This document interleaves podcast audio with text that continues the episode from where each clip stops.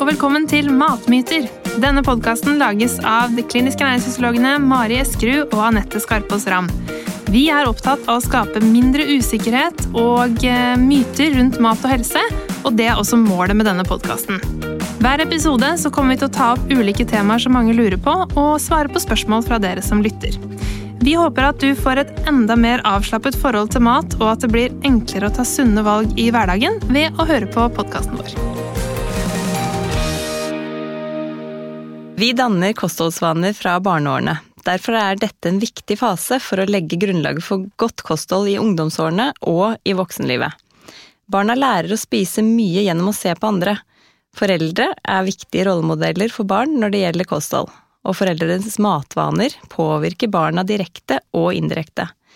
Vi kan i stor grad påvirke barna til å få et ukomplisert forhold til mat, og dette skal vi snakke om i dag.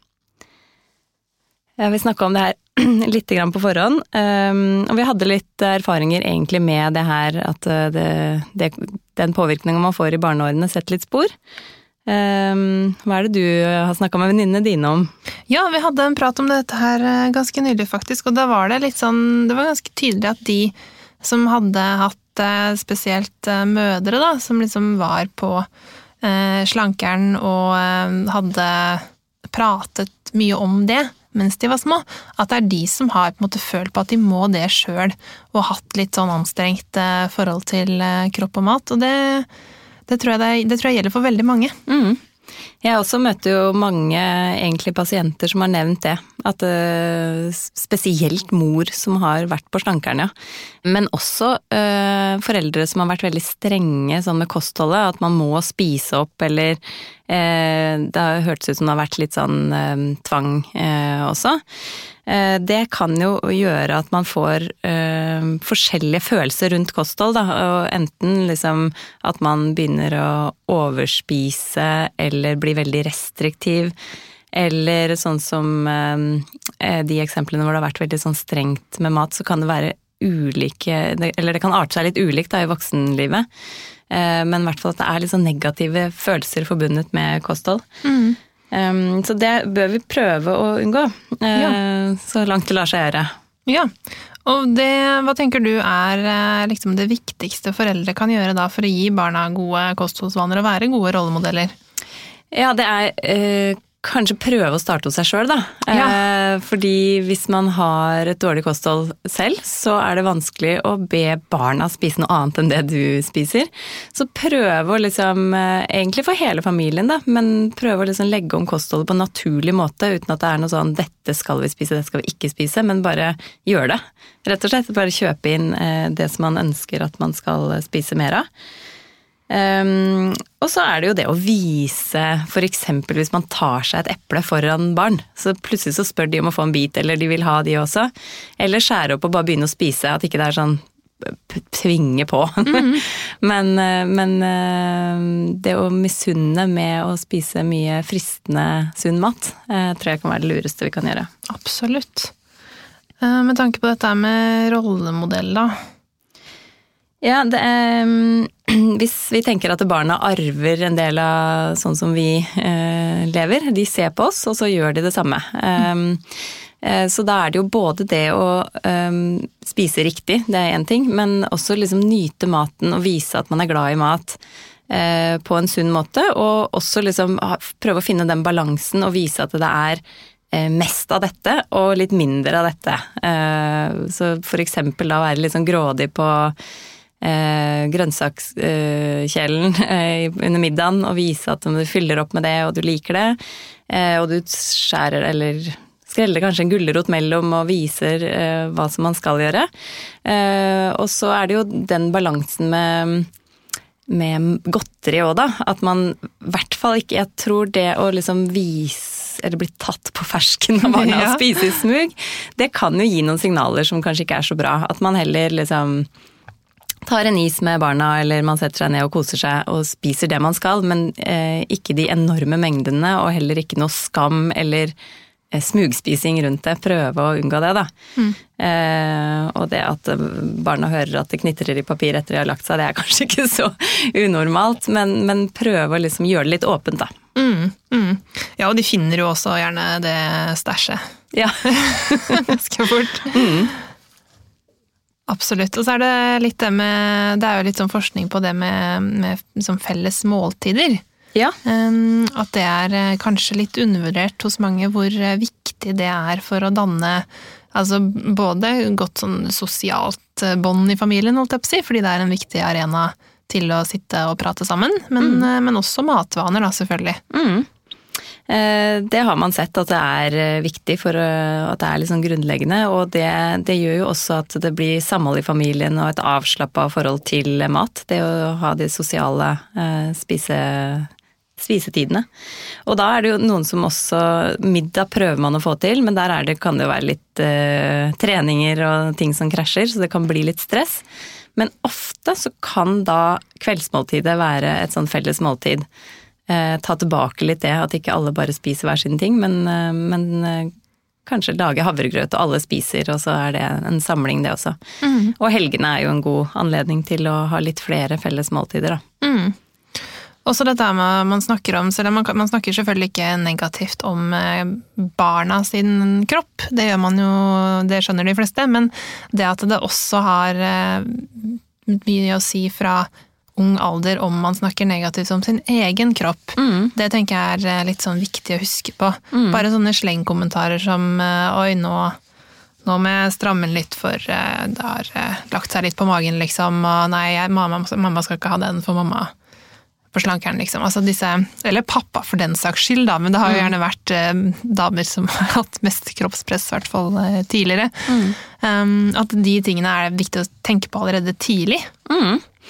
Eh, og at eh, den der kommentaren på at 'å nei, jeg har ikke noe godt av det, jeg burde ikke ha spist, men jeg gjør det likevel', liksom. Hva er det for slags signal det gir eh, til barna?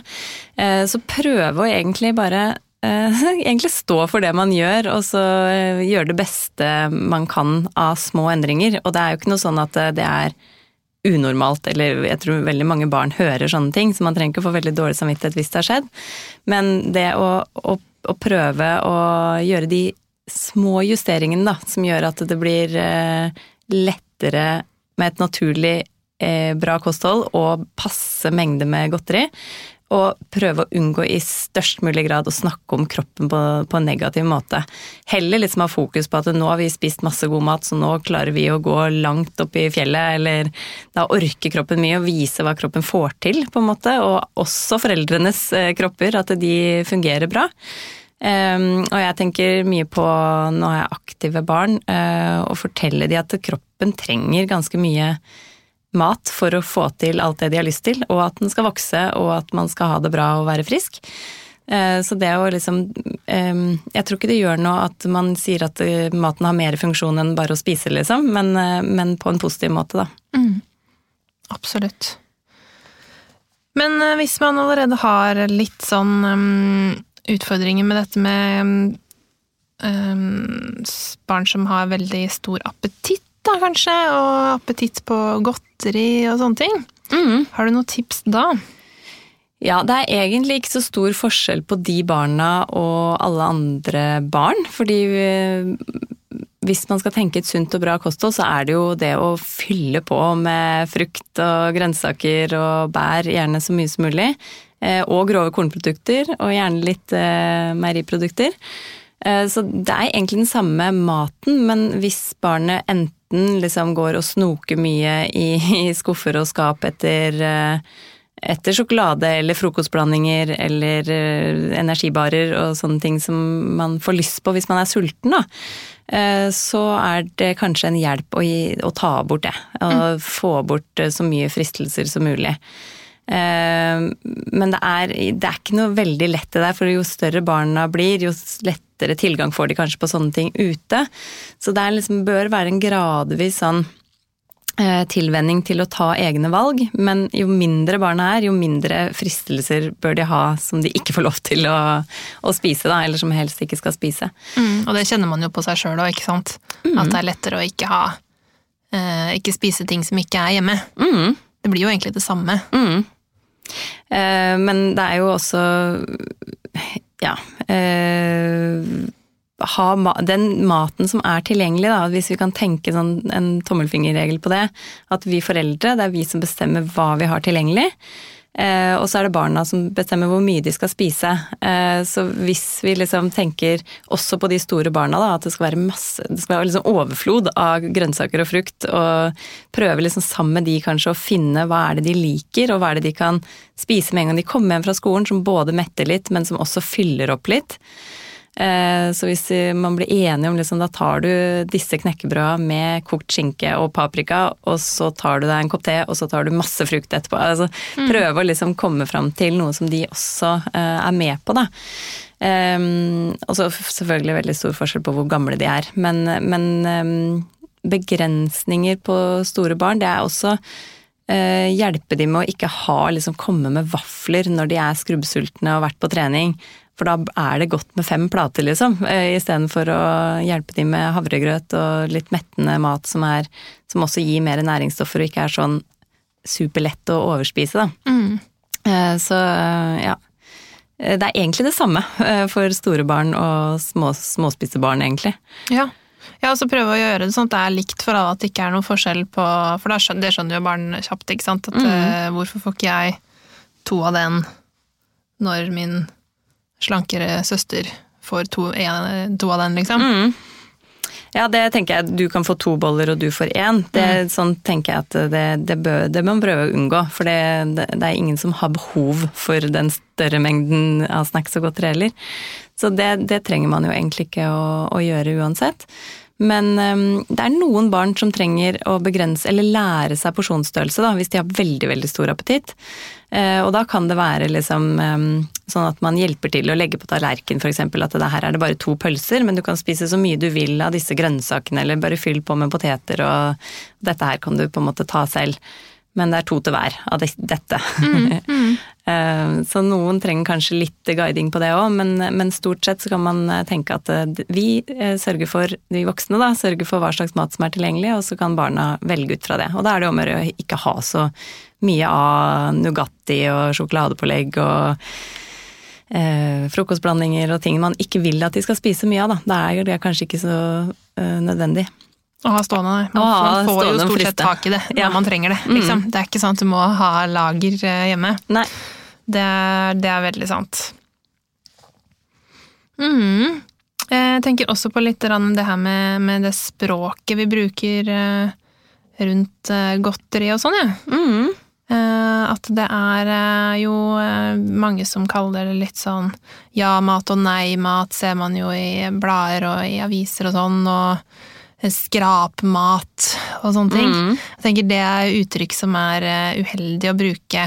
Mm. Det er uheldig å liksom gi mat en um, skal man si, rangering, mm. sånn sett. Eh, at det er mer bedre å snakke om som du var inne på, altså dette er næringsrik mat, dette, denne maten trenger vi på en måte for å få energi og for å få næringsstoffer, og så kan man ha liksom den andre maten som vi spiser eh, av og til. Mm. Eller sånn dessert ja. liksom. Og jeg har eh, en datter som er veldig glad i ja, alt som er søtt, da. Eh, og da De orda jeg bruker da, det er jo ikke sunn og usunn mat, men det er eh, du må spise litt ordentlig mat først. At mm. du fyller opp Hvis man kommer hjem og er sulten, så er det ikke sjokoladen som er Selv om den er veldig fristende da, så er det ikke den det første man skal spise. Jeg prøver å lære henne at eh, man må spise mat først, og så kan man kose seg med det andre etterpå. Mm. Uh, og det er jo litt sånn ulik uh, uh, fra barn til barn hvor lyst på sett og sånn de har, og, og kanskje også vekt, da. At man må ta mer hensyn hvis man har et barn som spiser mye. Mm. Um, ja. Også dette er uttrykket med kosemat. Mm. Det syns jeg også er litt dårlig, for det på en måte ligger litt i det at du må ha noe, du må ha sjokolade for å kose deg. Mm. Måte, og det må man jo faktisk ikke. Det er ikke noe grunn til å lære barn at eh, på, når vi skal se på TV eller på fredag eller lørdag, eller hva, så må vi ha chips og sjokolade. Mm. Man må jo ikke det. Nei. man kan det, ja. men man må ikke. Mm. Uh, ja. Hva er det, det verste, da, som eh, forelder? Det man absolutt bør prøve å unngå? Jeg tror det går mye på de følelsene som man legger på barna rundt mat. Eh, og påføre skam, eksempel. Eh, kjeft fordi man spiser på en måte. Eh, man bør heller liksom hjelpe barna med å bli trygge på det at de, den maten de velger er grei. Eh, og det er jo vårt ansvar. Det er mye fristende mat der, og det er ikke rart at barn velger det som smaker best. Sånn at eh, hvis ja, det er liksom om å gjøre at vi, vi hjelper dem med det. Ja, veldig Så, fint å unngå de der følelsene, som du sier, skam og tvang også, og ja. um, veldig sånn ja, rigide regler. Mm.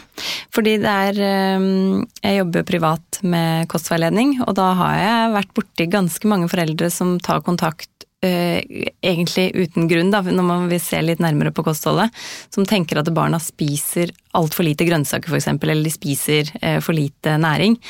Uh, og så ser man på at vekta går egentlig, eller de vokser greit og de får i seg litt forskjellig av ulike matvarer.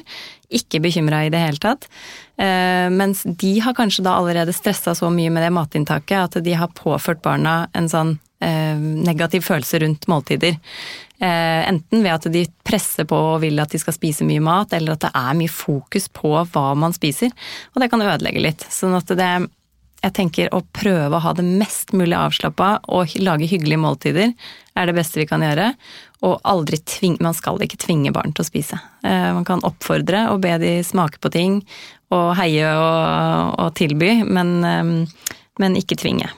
Nei, altså med grønnsaker eksempel, hvis du har ikke spørre 'vil du ha brokkoli', spørre 'vil du ha brokkoli eller blomkål'. Mm. På en måte. Veldig lurt.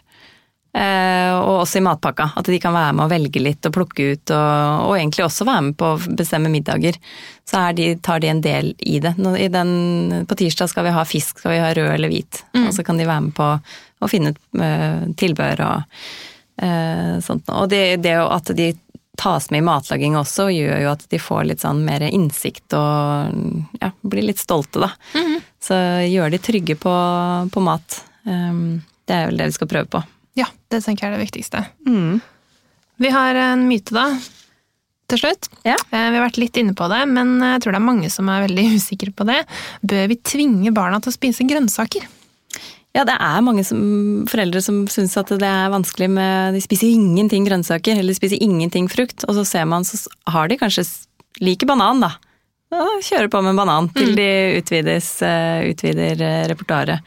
Men det vi i hvert fall kan tenke på som foreldre, er at vi skal ikke tvinge de til å spise, men vi skal aldri slutte å tilby. Eh, prøve forskjellige ting, og det er ulike faser, ikke sant. Når man vokser opp, så så plutselig så løsner det, eller plutselig så er det noe som funker eh, ja, likevel. Ja, det går opp og ned, liksom. Ja. Eh, så bare fortsett å tilby. Mm. og kjøpe inn. Og gjerne ha de med i butikken og be de velge selv også. Her har det jo skjedd veldig mye greier også. Du har jo kanskje en del foreldre som ble tvunget sjøl mm. til å spise opp. At man ja. ikke fikk eh, gå fra bordet før man hadde spist eh, de brokkolikvastene. Mm. Eller ihjelkokte gulrotbitene, på en måte. Eller du blir servert den samme maten som du hadde til middag til kvelds fordi du ikke spiste opp. Så du blir liksom aldri Nei. blir aldri ferdig med det. Men tvang er ut, da. Sånn eh, ja. generelt. Mm. det er det. Uh, ja, så oppsummeringsvis, da. Uh, forsøk å spise den maten du vil at barna skal bli vant til å spise. Tenk også på at du begrenser i størst mulig grad negativ holdning til mat og kropp. Vis gjerne at du er glad i mat, spis mye frukt, grønnsaker, passelig mengde med søtsaker, og sørge for at den maten som er tilgjengelig hjemme, er ok å spise. I praksis så betyr dette at vi gradvis skal lære å spise og lage mat selv, eller barna, da, eh, selv om det kan være eh, Men at de kan være trygge på at den maten de kan velge, er sunn og bra. Kjøp derfor inn grove kornprodukter, meieriprodukter, frukt, grønnsaker, bær og nøtter som barn kan ta når de kommer hjem fra skolen og er sultne. Forsøk å lage et godt matmiljø med hyggelige fellesmåltider så ofte som mulig. Forresten, vi har en eh, tips til slutt, og det er å også følge Matmyter på Facebook, for der legger vi ut eh, info om episodene og litt relaterte linker til det vi snakker om. Og så kan man også stille oss eh, spørsmål til episodene hvis eh, du ønsker det.